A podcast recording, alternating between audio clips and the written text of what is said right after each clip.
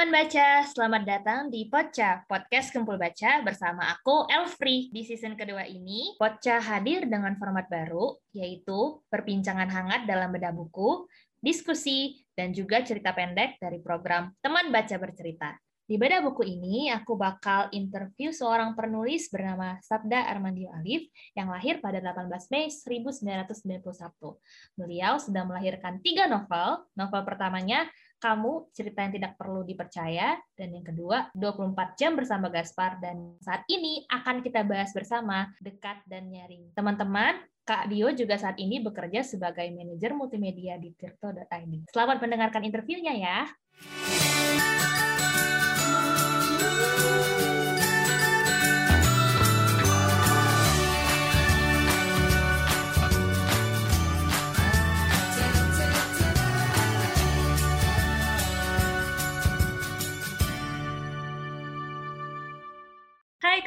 It's an honor to have you here. Gimana kabarnya Kak? Baik, baik. Terima kasih juga udah diundang ke acara ini. Udah baca bukunya juga. Terima kasih. Ya, thank you Kak. Sekarang Kakak lagi sibuk apa nih Kak? Boleh dong ceritain.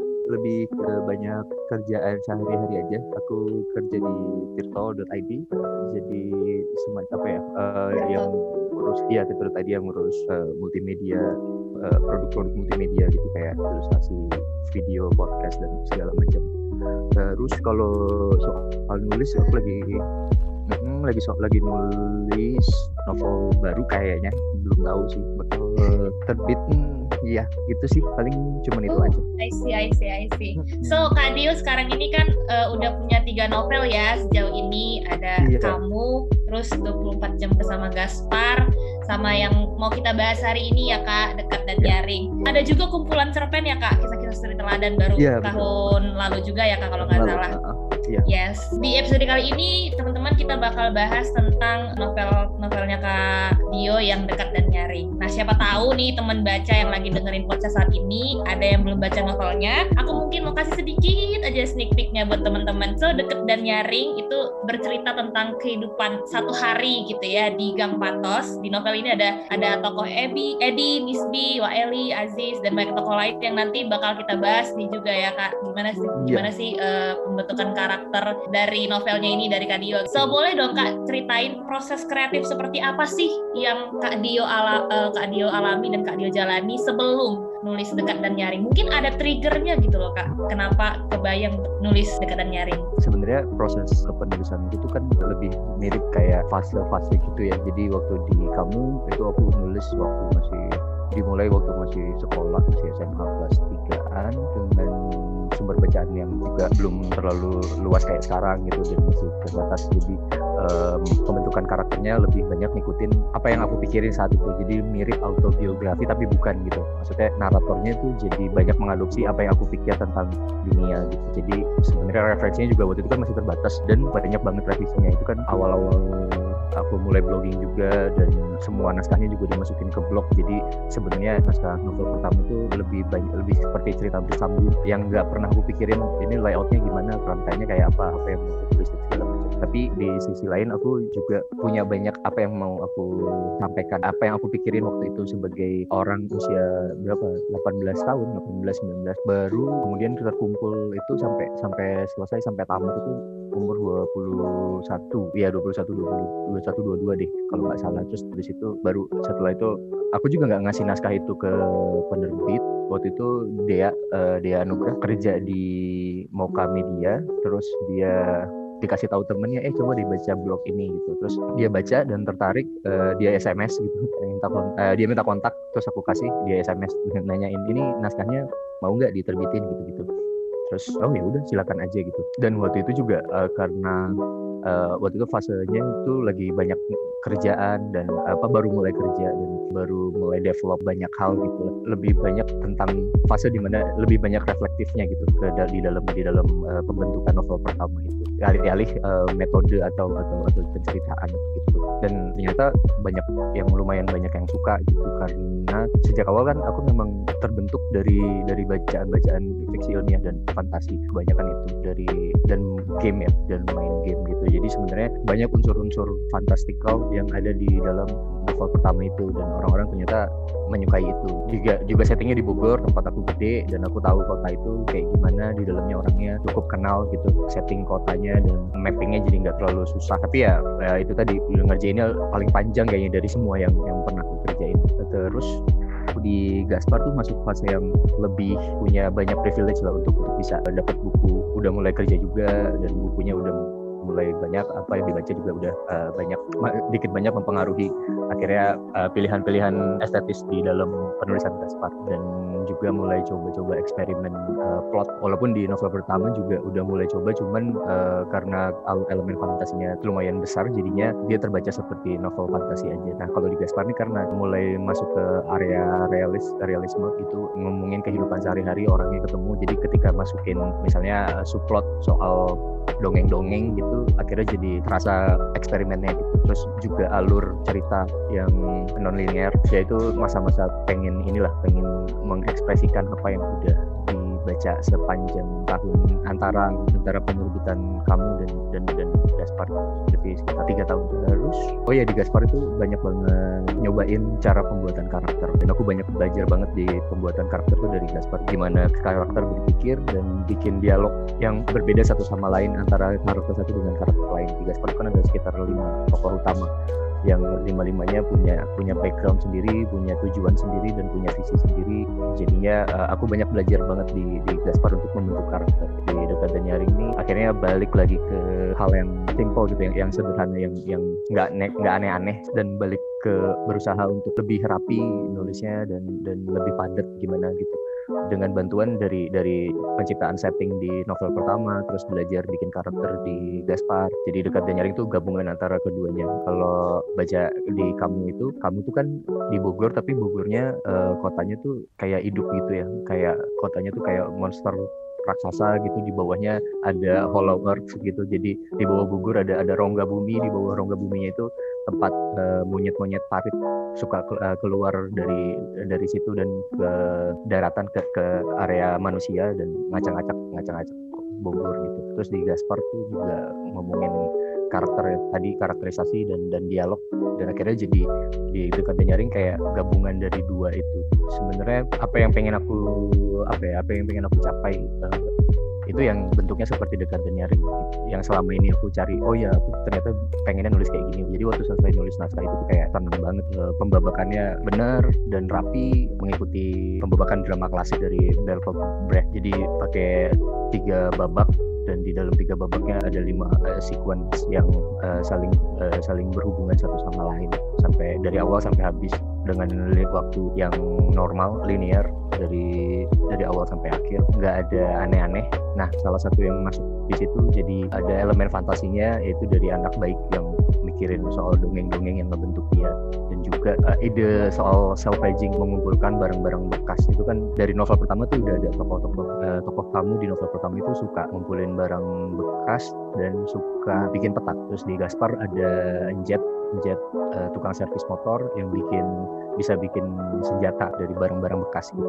Terus di dekat dan nyaring ada Edi. Akhirnya jadi lebih uh, salvagingnya lebih buat banyak orang. Dekat dan nyaring ini sebenarnya novel yang uh, Kak Dio bilang waktu nulis selesai nulis tuh puas gitu ya kak karena ngerasa oh ini ini yang aku selama ini pengen seperti ini gitu ya kak. So dekat dan nyaring ini kan sebenarnya novel yang cukup singkat gitu ya kalau bisa dibaca sekali duduk juga bisa. Yeah. It really got me hangover for a day karena banyak banget Kenapa? kalau dibaca cuma sekali pertanyaan detail-detailnya nggak nggak kejawab kayak gitu. yang paling menarik buat aku itu adalah pembentukan karakter yang Kak Dio bikin karena ada kayak cerita dalam cerita kalau nggak salah juga di Gaspar gitu ada ya momen kayak yang men- yeah. cerita dalam cerita gitu karena di Gaspar kan ada dialog-dialog itu sebenarnya kan bercerita juga kan tentang yeah. Iya. uh, karakter dan juga ini di kalau di dekat dan nyaring itu lebih ke kayak menceritakan orang patos dan orang toksi sama anak baik gitu ya tapi dengan versinya Nisbi dengan versinya Edi dengan versinya Waeli kayak gitu kan ada tokoh-tokoh yang sebenarnya tuh kunci tapi kayak di awal tuh sebenarnya ya selalu lalu lalang aja maksudnya kayak sambil lalu aja kayak tokoh Sam juga kayak toko Dea Anugrah sebenarnya kan di akhir ternyata lumayan mind blowing ya. Aku nggak mau spoiler kalau teman-teman ada yang belum baca. Aku tertarik banget sama gimana sih cara Kak Dio membangun karakter dan tokoh-tokoh ini masing-masing. Gimana menurut Kak Dio dan mungkin karakter-karakter itu misalnya karakter Edi ini Kak Dio kebayangnya orangnya yang seperti apa dan tertrigger menulis seperti ini karena apa? Kayak gitu Kak Dio. Mungkin boleh Kak. Karena udah uh, tadi di ke novel ketiga gitu jadi lebih banyak mikirin ini sebenarnya aku tuh berangkatnya dari mana root, root yang bikin aku uh, jadi suka uh, bercerita suka suka bikin dongeng gitu dari mana gitu. Dan setelah dipikir-pikir kenapa ada pattern kayak aku sering banget masukin cerita di dalam cerita uh, dan itu sebenarnya karena aku membaca uh, cerita seribu satu malam aku suka banget sama uh, metode itu gitu metode. Waktu itu bahkan penerjemahannya apa nggak agak-agak susah dimengerti dan uh, waktu itu tuh itu sangat apa ya captivating gitu. Maksudnya ini kok bisa cerita ini ada di sini terus nanti masuk terus keluar lagi uh, kayaknya uh, setelah aku pikir-pikir ketika bahkan ketika aku keluar keluar gitu ketemu orang dan apa uh, mereka cerita uh, ya mereka juga menerapkan itu tapi dalam bentuk yang lebih lebih santai karena itu kan ngobrol dan uh, aku dibentuk sama lingkungan yang kayak gitu ternyata. Banyak dibentuk sama orang-orang yang suka cerita. Terus uh, setelah aku pikir-pikir kayak gitu jadi lebih gampang ternyata buat tracing aku sebenarnya maunya bikin kayak apa gitu sebelum nulis dekat dan nyaring. Jadi pas ketemu waktu itu aku habis skripnya The Good Person of Seth Zuan itu dramanya si Brecht dan dari situ aku mikir oh, kayaknya uh, apa yang aku punya waktu itu uh, untuk untuk nulis baru karya baru itu itu kayaknya udah cukup deh untuk uh, dis, disatuin dengan teknik penceritaan drama uh, pembuatan skrip. Kalau kamu ngelihat motifnya kan di dalamnya juga ada nggak ada hampir nggak ada semua karakter yang nggak ada fungsinya gitu. Mungkin bahkan semua karakter berbicara dengan karakter lainnya. Jadi di antara banyak tokoh di sana semuanya pasti pernah walaupun cuma satu kali atau dua kali pasti pernah ngobrol atau pernah bersinggungan. Itu tuh sebenarnya dipakai sama Shakespeare di Merchant of Venice. Jadi sampai karakter paling minor di dalam uh, drama itu itu kebagian untuk ngomong gitu, kebagian untuk menceritakan uh, minimal apa yang dia pikirin tentang dunia di dalam drama itu. Dan aku ngerasa apa mungkin bisa dipakai metode kayak gini gitu. Dekatan nyari itu direncanakan cuma cerpen sebenarnya. Terus uh, aku pikir nggak ada salahnya juga untuk dibikin lebih luas cakupannya. Terus jadi bentuknya jadi novel aja gitu. Uh, terpengaruh banyak sama cara frame di Will Eisner uh, Will Eisner di graphic novel Contract with God. Dan uh, itu sangat dramatik karena dari panel ke panel kita bisa tahu uh, waktu bisa bergerak di dalam komik itu melalui uh, luapan air yang genangan air yang semakin lama semakin naik dan dan becek terus gitu. Menurutku itu mungkin salah satu yang bikin aku jadi nyoba kalau di dekat dan nyaring itu jadi naratornya itu seolah ngikutin satu orang aja dan ketika dia ketemu orang lain dia kayak gerak kamera yang pindah ke karakter lain gitu. Semacam campuran dari banyak elemen yang uh, kalau diruntut lagi ke belakang ya ternyata memang proses prosesku berpikir tentang sebuah cerita itu bentuknya multi layer gitu. Seingat aku nggak pernah nulis cerita yang biasa. Dalam arti ceritanya tuh dari A sampai Z gitu. Karena ternyata aku kesusahan untuk mikir kayak gitu. Jadi aku lebih gampang uh, mikir random thing terus dijahit satu-satu gitu. Wah keren banget. Ya tadi waktu kak dia bilang aku baru nyadar bahwa ya iya ya ternyata per, pembabakannya itu bukan kayak bab satu bab dua tapi ternyata emang kayak switch kalau saya tentang Edi ya jadi nyeritain yang dihadapin Edi kayak gitu. Ya bener juga. Uh, jadi kayak kamera yang follow aktornya atau aktrisnya gitu. Bahkan kayaknya pas pas pindahin ember juga si naratornya ikut pindah di seberang gitu.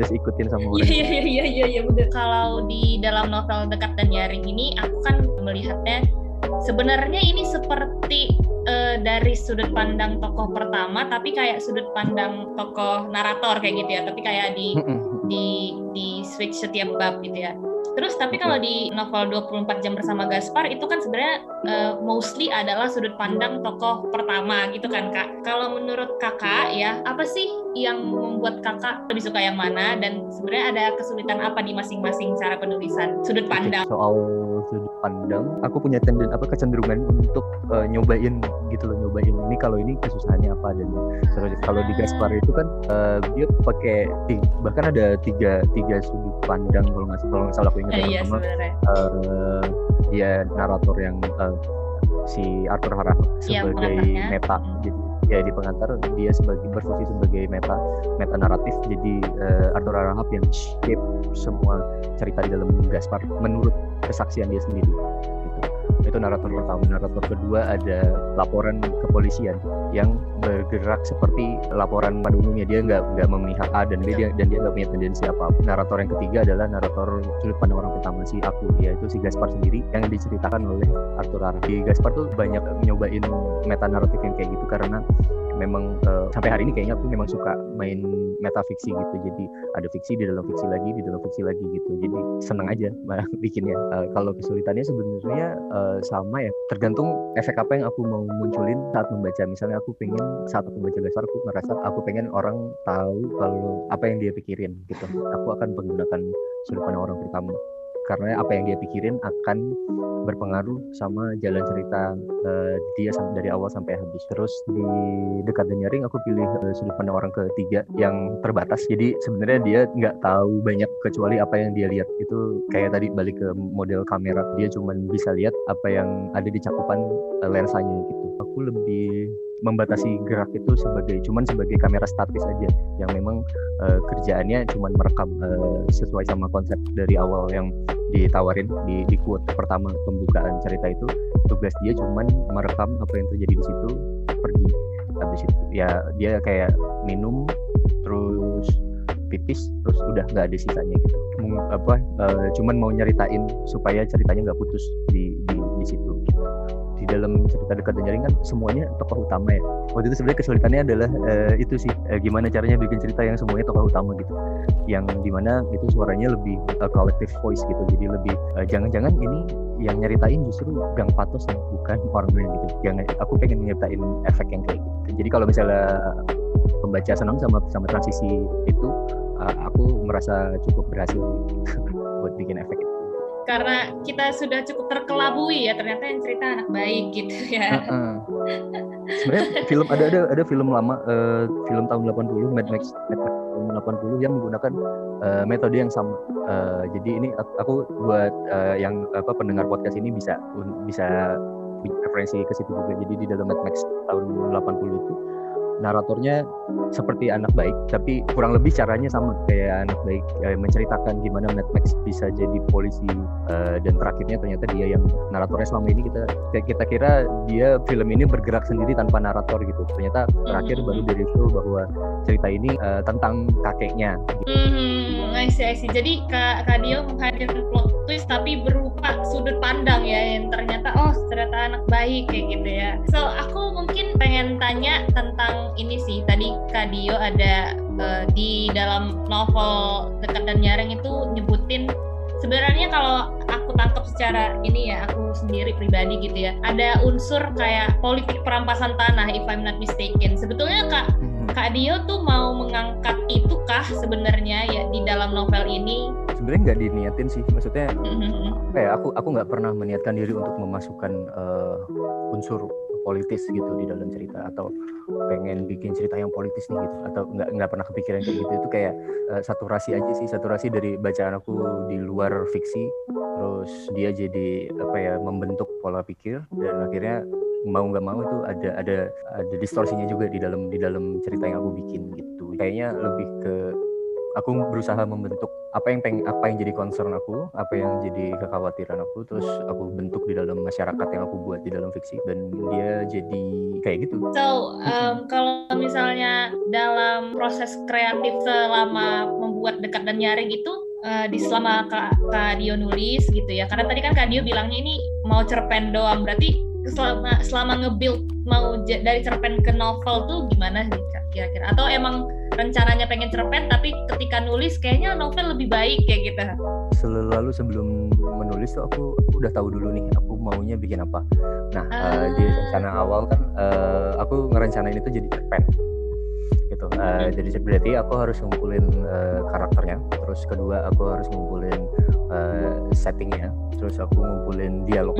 Biasanya aku gitu tuh terus jadi nanti dibikin semacam spreadsheet terus nanti di spreadsheet itu aku mau misalnya Edi orangnya kayak gini tinggi tinggi ibadahnya segini zodiaknya ini suka makan ini dia punya keahlian ini ini ini Oh. sekolahnya apa apa yang baca, eh, misalnya dia suka baca buku buku apa yang dia baca dan itu yang akan ngebentuk dia dialognya seperti apa gitu kan karena eh, apa yang diucapkan orang itu kan tergantung dari apa yang dia Apa yang dia konsumsi ya? Iya, Hmm. apa yang dia konsumsi jadi aku masukin itu di sheet terpisah gitu jadi dia punya eh, semacam guide untuk karakter gitu. Kedua, aku udah punya eh, world building ya. Jadi aku udah punya semacam mock-up eh, gang ya, gang patos. Jadi dia layoutnya arahnya ke mana, di dekat apa, di situ ada pohon apa atau ada apa aja. Itu biasanya aku siapin dulu. Nah, itu sebenarnya apa ya? eh, karena itu tadi karena aku kebanyakan justru ngabisin waktu di pembentukan dunianya, world building. Jadi kadang-kadang aku tuh Mhm. nggak selesai nulis cerita karena itu karena capek ngurusin habis ngabisin habis ngurusin detail-detail yang sebenarnya nggak penting-penting amat gitu. Iya. Iya kadang-kadang kadang-kadang karena kon- eh, konsentrasinya ngabisin di satu titik itu jadi energinya habis justru justru buat mikirin hal yang kayak ini kalau misalnya pakai mekanisme tambang kayak gini, ini pakai apa ya katrolnya kayak gimana ya kayak gitu-gitu. Jadi ngegambar-gambar. Dan energinya habis ketika mau nulis udah udah males duluan ah udahlah gitu. Dan sering banget kayak gitu. J- jadi. Eh, nah, aku udah punya itu eh, semacam mock-up itu yang kemudian pas baru mau memutuskan di awal, oh aku mau bikin cerpen aja deh, gitu. Yang aku sediain selanjutnya adalah layoutnya gitu, ke kerangka cerita. Eh, jadi waktu itu pas mau bikin cerpen tuh karena cerpen nggak butuh nggak butuh terlalu banyak eh, chapter atau bab gitu, jadi ya udah nyeritainnya cuma soal Edi sama anak baik. Terus setelah aku baca eh, layoutnya, Oh. layoutnya aku baca, oh kayaknya ini bisa dicobain deh pakai narator yang kayak. Dan tadi baru muncul tuh ide-ide soal eksperimen POV, soal gimana cara dia nyampein ceritanya gitu-gitu. Itu baru muncul setelah Mhm. layoutnya selesai. Berarti Kak, Kak Dio cukup detail ya Kak kalau mau nulis sesuatu tuh dipersiapin. Kayak tadi Kak Dio bilang spreadsheet gitu ya. Eh, atau catatan ya karena aku kurang kerjaan aja sih dan ya ya nggak tahu juga. Alright, alright, alright. So, jadi aku aku percaya banget kalau meskipun cerita fiksi sesingkat apa pun gitu ya, pasti seorang penulis itu pengen ngasih tahu sesuatu dari novel dekat dan nyaring ini. Kak Dio tuh mau nyampein apa sih ke pembaca gitu? apa ya sebenarnya apa yang kamu tangkap aja dari dari pembacaan itu gitu aku nggak nggak apa ya aku cuman em, ya bahwa eh, soal ruang yang dirampas itu ada di mana-mana gitu orang orang kehilangan rumah tuh setiap hari dan ya yang kayak gitu ada dan kita pilihannya mau ngapain soal itu gitu lebih ke gitu I see, I see. Kita udah hampir ada di akhir episode nih kak, tapi aku punya dua pertanyaan terakhir. Menurut Kak Dio, kenapa pendengar podcast hari ini harus baca dekat dan nyaring? Boleh promosi dikit aja apa-apa. apa ya supaya ini setelah baca jadi mau baca novel selanjutnya. Yang selanjutnya lebih panjang gitu kayak mungkin saga jadinya. Kalau udah baca itu apa baca mungkin kalau baca dari awal kayak dari kamu terus dari Gaspar terus dari kata nyaring gitu udah udah udah paham gitu loh. Maksudnya aku mau ngapain gitu. Jadi nantinya nggak ngerepotin kalau misalnya aku bikin cerita baru gitu. Jadi oh ternyata ya emang kayak gini gitu. Oh emang begini gitu ya kasihan nih. penulisnya. Ya udah kasihan nih penulisnya begini. emang kayak gini. Udah nih gitu baca So ini it's gonna be our last question di episode ini. Aku ngerasa asik banget sih ngobrol sama Kak Dio, banyak banget yang kayak Kak Dio ternyata punya eh, sudut pandang yang berbeda. Terus juga ternyata konsumsi konsumsi Kak Dio itu beda banget ya karena latar belakangnya Kak Dio kan kerjanya di kantor berita gitu ya. Pikir iya pasti ngobrol sering baca politik, apa bisnis gitu ya. Ternyata iya fiksi banget ceritanya Kak Dio. Thank you so much. Tapi aku pengen kasih satu pertanyaan terakhir nih buat Kak Dio. Kira-kira buku apa sih yang bikin Kak Dio suka baca? buku yang bikin aku suka baca apa ya banyak susah juga bertanya Uh, satu aja Kak, atau Eh, mungkin yang baru dibaca oke. kali. Nggak, kalau yang bikin aku suka baca banget itu sebenarnya jadi dulu tuh Gramedia pernah nerbitin seri dongeng dunia. Dia bentuknya komik. Jadi di situ ada H.G. Wells terus ada Moby Dick si Herman Melville terus ada Cinderella kayak gitu-gitu cerita dongeng-dongeng dunia gitu. Dan eh, folklore. Mhm. jadi ada dongeng lokal juga. Buku itu sih aku, aku ngerasa malah justru itu membuka banyak wawasan. Karena waktu aku kecil kan eh, terbatas ya eh, pembacaannya juga bacaannya cuman ya udah itu, itu aja gitu. Paling baca komik dan segala macam. Tapi kemudian eh, yang shape aku untuk jadi aku mau jadi penulis fiksi Indonesia misalnya kayak apaan sih? Tapi emang gitu uh, mungkin waktu habis baca terus kali ya sama uh, Budi Dharma orang-orang Bloomington itu. Aku banyak ngambil template tokoh tuh dari dari orang-orang Bloomington tentang karakter karakterisasi. I see, I see, I see, alright. Thank you so much untuk Kadio yang udah ngeluangin waktunya ngobrol sama aku dan hmm. teman-teman Poca yang mendengarkan. Ya, uh, tadi udah banyak banget ngobrol tentang karakter yang tadi aku salah satu yang sangat itu ya, sangat trigger banget bacanya kayak wah ini ternyata prosesnya karakternya dibuat sedetil itu ya kak sama mock up dunianya juga sedetil itu that's why waktu kita baca juga uh, nanti teman-teman sendiri juga baca jangan kebanyakan spoiler ya teman-teman sendiri baca dekat dan nyaring semoga dengan diskusi kali ini bisa kasih wawasan baru tentang dunia buku, dunia menulis, dan teman-teman bisa baca juga kalau ada yang belum baca dengan dan nyaring. So, demikian podcast untuk episode kali ini. Aku Elfri dan juga Kadio. Ya, yes, makasih Elfri. Sampai jumpa di Ya. Terima kasih sudah mendengarkan podcast Kumpul Baca. Teman baca juga bisa berpartisipasi dalam program ini dengan cara mengirimkan cerpenmu melalui email kumpulbaca@gmail.com dengan subjek teman baca bercerita. Jangan lupa follow Instagram kami di @kumpulbaca. Sampai jumpa di episode podcast berikutnya.